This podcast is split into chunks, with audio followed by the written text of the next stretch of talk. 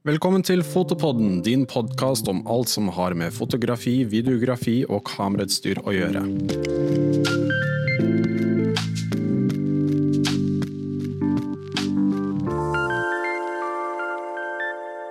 Velkommen til dagens episode. Første episode av Fotopodden. Er dere spente? Vi er spente. Dere gleder dere? Velkommen. Mitt navn er Thomas. Du er med, vi har med Erik og Tom Erik. Begge to. Eh, Erik, hva er din rolle i dette her? Du jobber i foto.no. Jeg jobber i foto.no. Jeg er redaktør på skal si, det gamle redaksjonelle nettstedet. Så jeg prøver å være litt sånn uhildet. Um, ellers så er jeg vel utnevnt til selskapets nerd, så jeg skal liksom være det. da. Så jeg får prøve så godt jeg kan. Var du selverklært selska- selskapets nerd? Nei, ikke egentlig, men jeg har vel ikke jobbet hardt for å miste det stempelet, da. Det kan vi si. Og Tom Erik? Jo. Jeg vil vel egentlig selverklære meg litt som nerd, jeg også. Ja. Jobber i Interfoto. Eh, har vært med der et par år. Og jobber som en eh, avdelingsleder, kan man vel si. Uh, har også ansvaret for Speiløst, mm. med hovedsak på Sony. Så jeg er ganske geekete på det området. Du er litt nerd, du òg. Litt nerd. Det er greit. det. Bitte litt. Hva, vi kan jo begynne med hva er Fotopodden? Hva er formålet vårt med denne podkasten? Hva ønsker vi å formidle ut til folk? Ønsker vi å inspirere til å, til å få flere folk til å begynne med fotografi? Det er i hvert fall det jeg tenker litt, at det er det vi ønsker å få frem.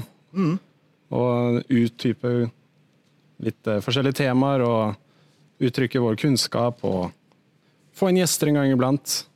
Forhåpentligvis inspirere folk litt til å ta mer bilder. Det, det er jo ikke veldig mye informasjon på norsk lenger. De fleste nettstedene er jo borte, så, så jeg tenker at det er veldig greit å ha en sånn, for da kan vi diskutere en del ting som, som folk lurer på. Eller ting vi bare har lyst til å snakke om, rett og slett. Og det er jo veldig mye vi har lyst til å snakke om, så vidt jeg har skjønt. Ja. ja, foto og video kan jo også være veldig forskjellig i Norge kontra utlandet også. Hvordan jobber vi i Norge? Hvordan, ja. Det er ikke alltid like lett å forholde seg til amerikanske taktikker og strategier, f.eks. Ja. Hvordan komme ut på markedet, det ene og det andre. Så Ja. Så hvor, hvor, hvor er vi liksom nå sånn cirka i, i, Hvordan står bransjen til nå, Erik? Nei, det er jo det er litt vanskelig å si sånn absolutt. Hvis du ser tall fra Japan, så eh, ser det helt jævlig ut. Tallene har falt med noen og 30% siden tilsvarende i fjor. Eh, Men i Norge så er det litt annerledes, fordi vi har alltid ligget en del over resten av verden. Rett og slett fordi vi har så motbydelig mye penger at vi kjøper mye mer utstyr enn det vi egentlig trenger. Eh, Så, så i Norge så ser det ganske bra ut. altså Kompaktkamerasalget er jo borte. Det er det ingen som kjøper lenger. Eh, Derfor har produsenter laget dyrere kompaktkameraer. Og altså entusiastmodeller. da. I tillegg så er det jo veldig mange som har foto som en aktiv hobby. Og har du det som en aktiv hobby, så slutter du ikke å kjøpe selv om mobiltelefonen er blitt bra. Så alle, alle profesjonelle fotografer og alle entusiaster de kjøper jo sånn som de har gjort før. Så I foto.no og Interfoto så satser vi jo mye på den gruppen. og Derfor så klarer vi oss jo relativt bra med, det, med markedet sånn som det er i dag. Hva, hva ser du for deg er på en måte de som Hvis vi går litt tilbake igjen, sånn som jeg husker jo eh, Jeg har ikke holdt på like lenge som andre fotografer, men jeg husker jo spesielt på en måte Det er noen, det er noen hendelser som har skjedd når f.eks. 5D Mark 2 introduserte video, og du fikk alle de DSLR-videografene. Er det liksom, Kan du oppsummere veldig slett om du husker noen av de spesielle store tingene som har skjedd den siste tiden? Det er jo, det er jo veldig mye. altså Går du tilbake til 90-tallet, så var det jo eh, folk som hadde det som jobb, som fotograferte. Og etter hvert som utstyret er blitt bedre og bedre og billigere og billigere, så gjør jo alle dette. Og det er jo noe av det som har gjort at salget er blitt voldsomt. Altså man, selv om tidene er dårlige i dag, så er det jo veld, selges det veldig mye mer utstyr enn det det ble gjort på 90-tallet. Eller med analoge kameraer noensinne. Og samme video. Altså, I dag kan jo alle kjøpe fantastisk videoutstyr og lage de utroligste produksjoner. eh, som var helt umulig bare for noen år siden. Og som du sier, 5D Mark 2 var jo en av de. Ja. Det var jo det første kameraet som ble brukt til å lage eller ikke kamera, men speilreflekskamera som ble brukt til å lage spillefilmer med. Ja. Eh, og det gjorde jo at filmselskaper, mindre filmselskaper de slapp å leie utstyr til 20 000-30 000 kroner i uka. De kunne i stedet kjøpe et kamera til 20 000 kroner. Eller kjøpe to kameraer til 20 000. Spare inn masse tid i produksjon og sitte igjen med utstyret når det var ferdig. Det endret vel også måten de filmet på. For disse kameraene fikk jo plass overalt. Ja. Få plass til en, inni en heis, for eksempel. Sant? Og med lysfølsomhet og sånne ting. Så, så den er jo viktig i, i videobiten. Um, ellers så er det jo selvfølgelig viktige ting som Panasonic G1, som var det første sånn digitale speilløse kamera. Så Sony A7, første fullformat speilløse kamera. Og innen dette går på lufta, så har jo Fujifilm lansert GFX 100S, som er et 100 megapiksel mellomformatkamera. Og kanskje første egentlig mellomformatkamera som du kan bruke som en vanlig speilreflekskamera. Mm. Det er jo speilløst, men du kan bruke det til å gå rundt og da ha en kjapp autofokus. Så det, det, det virker som et vanlig kamera. Og Det har vi ikke hatt på, på mellomformat før. Og Det åpner noen nye dimensjoner. Så det er hele tida ting som kommer som åpner nye dimensjoner. Så vi har ikke sluttet med det, selv om eh, utviklingen ikke går like fort som den gjorde for en del år siden. Hva vil du se for deg liksom de, de eh, positive og negative aspektene ved den utviklingen som har skjedd innenfor teknologi? Altså, det er jo utrolig moro med alt dette utstyret. Det jo, ja, det er for meg som utstyrsfetisjist så er det jo bare fantastisk gøy at det hele tida kommer nye banebrytende ting. Altså. Um, men for de som lever av dette her, som, som har som jobb å ta bilder og få betalt for å ta bilder, så er det jo forferdelig vanskelig i og med at alle kan ta disse bildene. Og det er så mange som fallbyr tjenestene sine for nesten ingen betaling i det hele tatt. Og da, da er det ikke så lett å leve for de som faktisk prøver på det. Altså. Så for dem er det veldig vanskelig. Ja. Men for alle andre så er det jo kjempefint. Som selgere så blir jo også vår jobb bare mer og mer viktig i butikkene med å hjelpe både de profesjonelle og entusiastene å faktisk finne veien gjennom en jungel som bare blir større og større og større. Mm. Sånn at den kunnskapen vi må ha hele tiden, den, den skal liksom hjelpe til å guide folk til de riktige produktene, til de riktige formålene. Samtidig så har vi jo kommet til et nivå nå som vi ikke var på for fem til ti år siden, hvor det nesten ikke finnes dårlig utstyr. Altså Kjøper du kamera i dag, så er det et fantastisk bra kamera. Ja. Og i 2008 så var det ikke det. altså. Da var det så mye søppel der ute at du måtte virkelig ha, vite hvor du gikk hen for å få det du trengte. Eh, Og det er blitt veldig mye lettere. Så fortsatt så trenger man fagkunnskap. Fortsatt så er det jo selvfølgelig forskjell på modellene, eh, men du bommer ikke helt hvis du kjøper noe feil. Nyansen er liksom viktigere nå, men du kan liksom ikke kjøpe feil. Nei. Ikke helt feil. Eh, Litt rart å si det sånn, men, Ja. men jeg føler det er, er litt sånn i dag. altså. Ja. Og de har jo ødelagt hele debatten om hva som er best av Canon og Nikon. Men eh, det får være en annen episode. Ja, Det får være en annen episode. Det er helt riktig. Da vil jeg skyte inn Sony der også. Ja, ikke sant? Ja, det har, det har, det har jevna seg ut i det siste. Absolutt. absolutt. Det har jo det.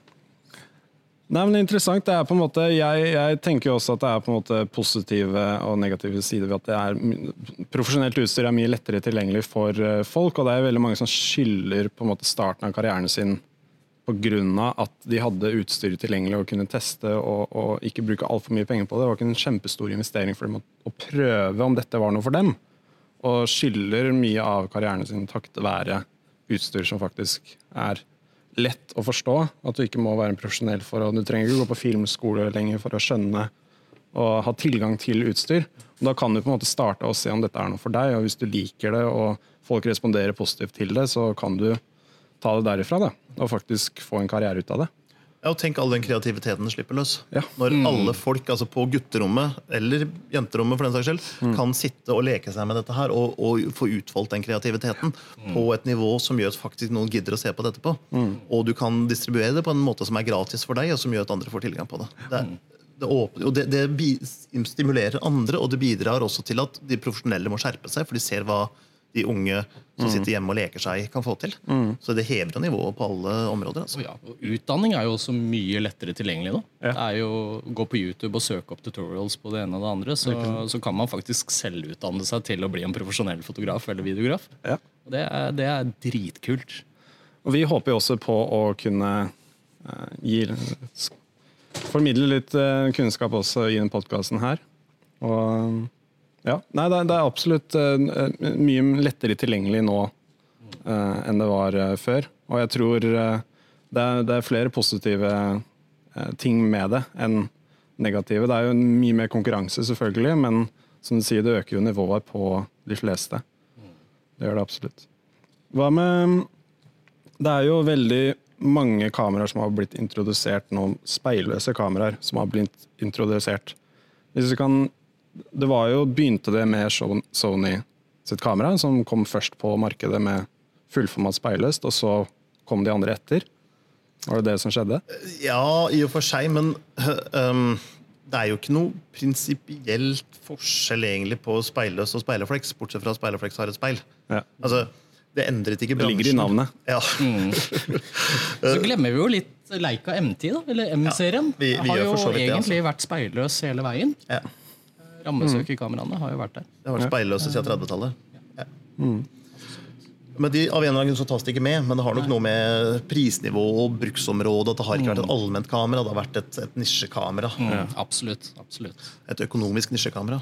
Fordi det, det er bort ifra det, så var det vel Sony som, som kom først med, Ja. med et fullformats uh, speilsøst. Det er jo veldig mye fokus på liksom speilløse, fullformat speilløskamera nå. Og, men du ser jo på en måte at de, de, de profesjonelle bruker jo fortsatt DSLR-kameraer. Og jeg merker jo også at de profesjonelle, de som har vært fotografer veldig lenge, de sverger jo til sitt ene kamera som de har brukt over lengre tid. Og det skal veldig mye til for at de bytter systemer. Så det er liksom ikke sånn at det er bare ok, fra nå av så er alle kameraer speilløse.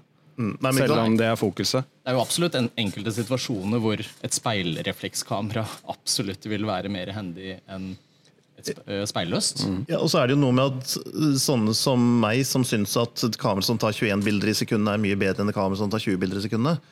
Uh, for meg så vil jeg alltid ha det som tar 21 bilder i sekundet, men for en som har dette som verktøy og skal produsere bilder og lever av bildene, Ja. uh, så, så er det mye viktigere at verktøyet fungerer sånn som man er vant til og sånn som man liker, enn at det tar 21 bilder i sekundet istedenfor 20. Mm. Og, og Derfor så er det ikke noe stort poeng å skifte hvis kameraet gjør det du trenger at det skal gjøre. Og der ligger jo alt i ryggmargen. Alle knappene ligger i fingerspissen. Man trenger jo ikke å tenke på at man skal trykke på den knappen på den sida. Man tenker jo egentlig bare nå skal jeg bytte ISO-en eller blenderen Ja. eller hva det nå er, og så skjer det. Uh, og da er det jo, når man er yrkesaktiv, så blir det jo vanskeligere å ta det store steget og hoppe over til et nytt system, og så dra ut på jobb og utføre jobben sin med det nye systemet. Det er eh, skummelt. Ja, det er som du sier. Når man er fotograf, så er det utrolig viktig å Du skal se gjennom viewfinderen din og liksom skjønne og vite hvor, hva alle knappene gjør uten å se på dem. Du skal på en måte, Det er som en muskelminne. Det skal bare skje, og du skal reagere på det. Så da, det å bytte system er et veldig stor step for veldig mange.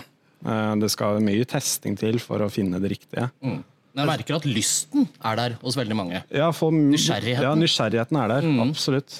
Så, så der kan det jo være fint å planlegge sånne type tester eller sånne ting i ferier, hvor du har liksom Ja. tatt vekk dette der presset, Ja. jobbpresset, og så leke. rett og Ja, ikke kjøpe et helt nytt type system og så gå rett på jobb med Nei, det. nei, nei, det er Nei, det er ikke anbefalt. Det er ikke anbefalt i det hele tatt. Men det er jo, altså, vi ser jo det er veldig mange som skifter til speilløst. Og det er jo grunner til det, naturligvis. Ja.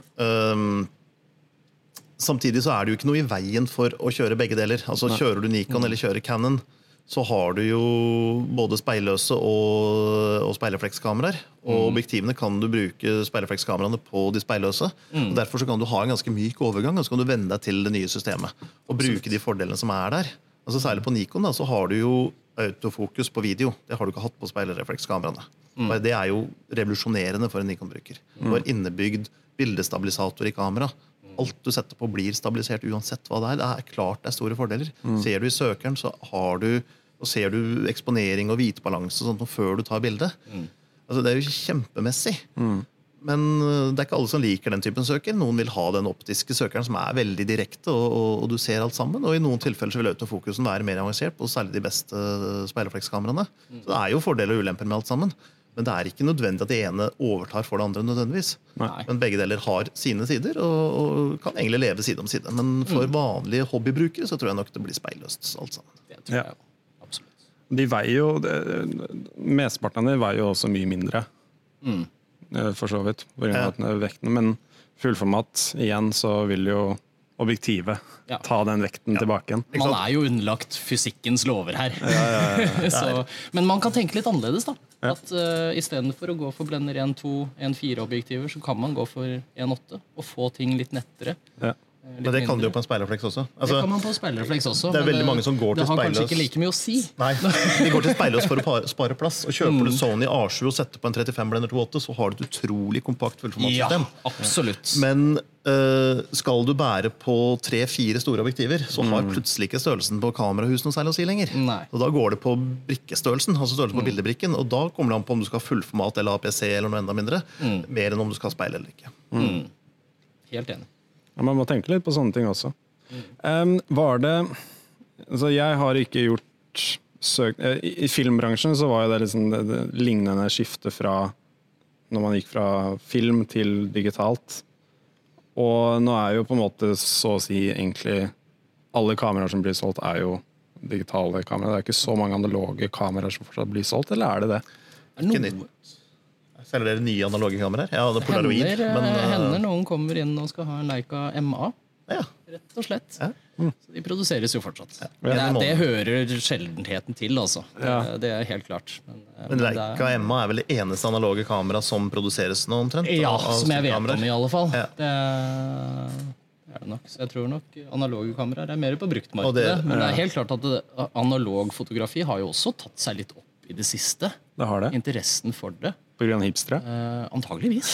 Mye på Antageligvis. Ja, men, men, men man må huske at, at foto er en kreativ aktivitet. Ja. Ikke sant? Så man er ute etter en look, eller man er ute etter noe spesielt, eller man er ute etter noe annerledes. Og det er ikke så farlig om ikke bildet vises på skjermen med en gang. Det som er viktig, er at du får det uttrykket du ønsker. Og kall dem hipster eller kall dem hva som helst. Eh, Det er lov å bruke film selv om du ikke har skjegg. Um, Gir det deg det du ønsker, så er det helt riktig å bruke film. Og gjør det ikke det, så bruk digitalt. Jeg har jo jeg har et analogkamera som jeg kjøpte brukt. og det, det, det jeg liker med det kameraet der, er at det, det er på en måte Det er disiplin rundt det. At du vet du har ikke Du, du har begrenset antall eh, eksponeringer. Du må liksom vite litt hva du gjør, og du tenker deg mye mer om før du faktisk tar bildet. Det er ikke sånn at du bare klikker av gårde. Så jeg liker den, måte, den øvelsen det kameraet gir. da. At jeg må liksom tenke litt over før jeg bare begynner å knipse av gårde. Og så er det jo et kjent fenomen at enten du bruker gammel rullfilm med 12 bilder, eller mer moderne film med 36 bilder, eller minnekort med plass til 10 000 bilder, så blir det en tre-fire blinkskudd. Ja. Ja, ja, ja, men det er det. Uavhengig av antall Ja, ja. bilder du tar, altså. Ja, uansett så er det, det er en sånn Ja, ja. Men det er helt riktig. Eller det det. ene storformatbildet. ikke sant? Ja, ja, ja. Du trykker ikke på knappen før du vet at komposisjonen er riktig der. også. ja jeg jeg syns det er interessant. Ja, det, er, det er helt riktig. Hva med, hva med fremover? Hva, hvor ser dere for dere bransjen fremover de siste, de neste året, to årene, tre årene, fem årene? Altså, det er jo vanskelig å spå særlig om framtida, men vi ser jo nå nye mobiltelefoner gjør en del triks. Altså, Nye Huff a meg-telefonene de har jo sånn type fem kameraer eller noe der omkring. Og de gjør en enorm prosesseringsarbeid på bildet som gjør at du får noen fantastiske resultater ut av en mikroskopisk bildebrikke. Bortsett fra de gangene den misforstår hva den ser på. Ja, eller tar bilde av månen og den legger på en kunstig måne, eller fyller inn informasjon som ikke er det. En del sånne ting, De jukser litt. den gjør det. Men jeg tror at de tradisjonelle kameraprodusentene må begynne å tenke på samme måte. Mm, det tror jeg Ellers så er de døde. Mm. Man ser jo litt av det den dag i dag, sånn som hos Sony, hvor de bruker en deep learning for å lære opp autofokussystemet til å ta forskjellige dyreøyne, f.eks. Ja. Sånne ting. At, at jeg tror uh, artificial intelligence og, og den type dataprosessering kommer til å komme mer inn i kamerabransjen enn, enn hva vi er vant til fra før. Og, og her er det jo prosesseringskraft mye det dreier seg om. Ja. Og, og, det, det har vi jo sett i flere år, at kameraene er blitt raskere og bedre. Og, på, og det er jo mye pga. prosesseringskraften. Og på speilløse så vil jo de få en fordel framfor speilrefleks, fordi de kan gjøre mye av denne prosesseringen før bildet tas. Autofokus, motivgjenkjenning. De har hele bildebrikken, hele bildet å analysere. De kan se hva som er motivet, og følge motivet på en helt annen måte. Alt som krever prosessering, vil speilløse bli bedre på eh, enn speilrefleks i fotograferingsøyeblikket. Hadde også vært spennende hvis Sony hadde fortsatt med A-serien. fordi med det translucent-speilet så kan man jo i teorien gjøre de samme tingene. I teorien, ja. i teorien. Men da har du jo ikke den optiske søkeren, og da har du egentlig ikke en del av de fordelene som speilreflekskamera Nettopp. har. og Da er det ikke sikkert at det er det store poenget. Altså. Nei.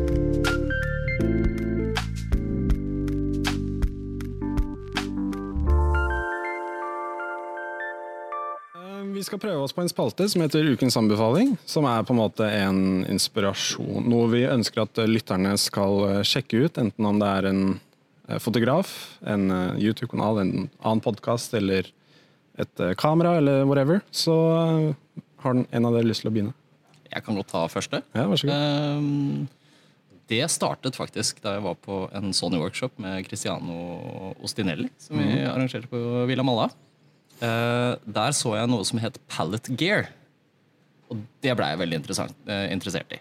Uh, det er jo et modulært knappe rotasjonsslider-dings, uh, hvor man kan sette ditt, disse her til å være hva som helst i hvilke som vil, hva som helst av programvare. Mm. eksempel i Lightroom, hvor du kan gjøre alle basisjusteringer eller korreksjoner det ene og det andre. Og så kan man i Premiere få det til å gjøre andre ting. Ja. Så det er egentlig et midi-brett med masse små dingser hvor man kan leie det ut på den måten man vil, og, og legge til eh, så mye man vil. Man kan til og med bruke det i Excel. Så, så for meg Slider som eh, gjør litt video, gjør litt foto, sitter litt med musikkproduksjon og diverse, så er jo dette her noe som jeg kan bruke til alt. Ja. Så det er min anbefaling denne uka. Hva heter den? Pallet Gear. Pallet Gear. Interessant. Erik?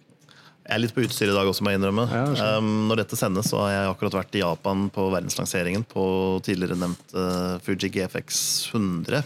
Ja. Og det er jo For det første, det er 100 megapiksler. Det er 100 forbanna megapiksler, altså! Det er nå én ting, men det Har du ingen- lagring? Hvor mange megapiksler er det? Eh, Skal vi se, hvor mange var det igjen? Eh, Sånn 100, 100 var det, ja. ja. Si det i antall piksler. Ja. 100 000 milliarder millioner piksler, faktisk.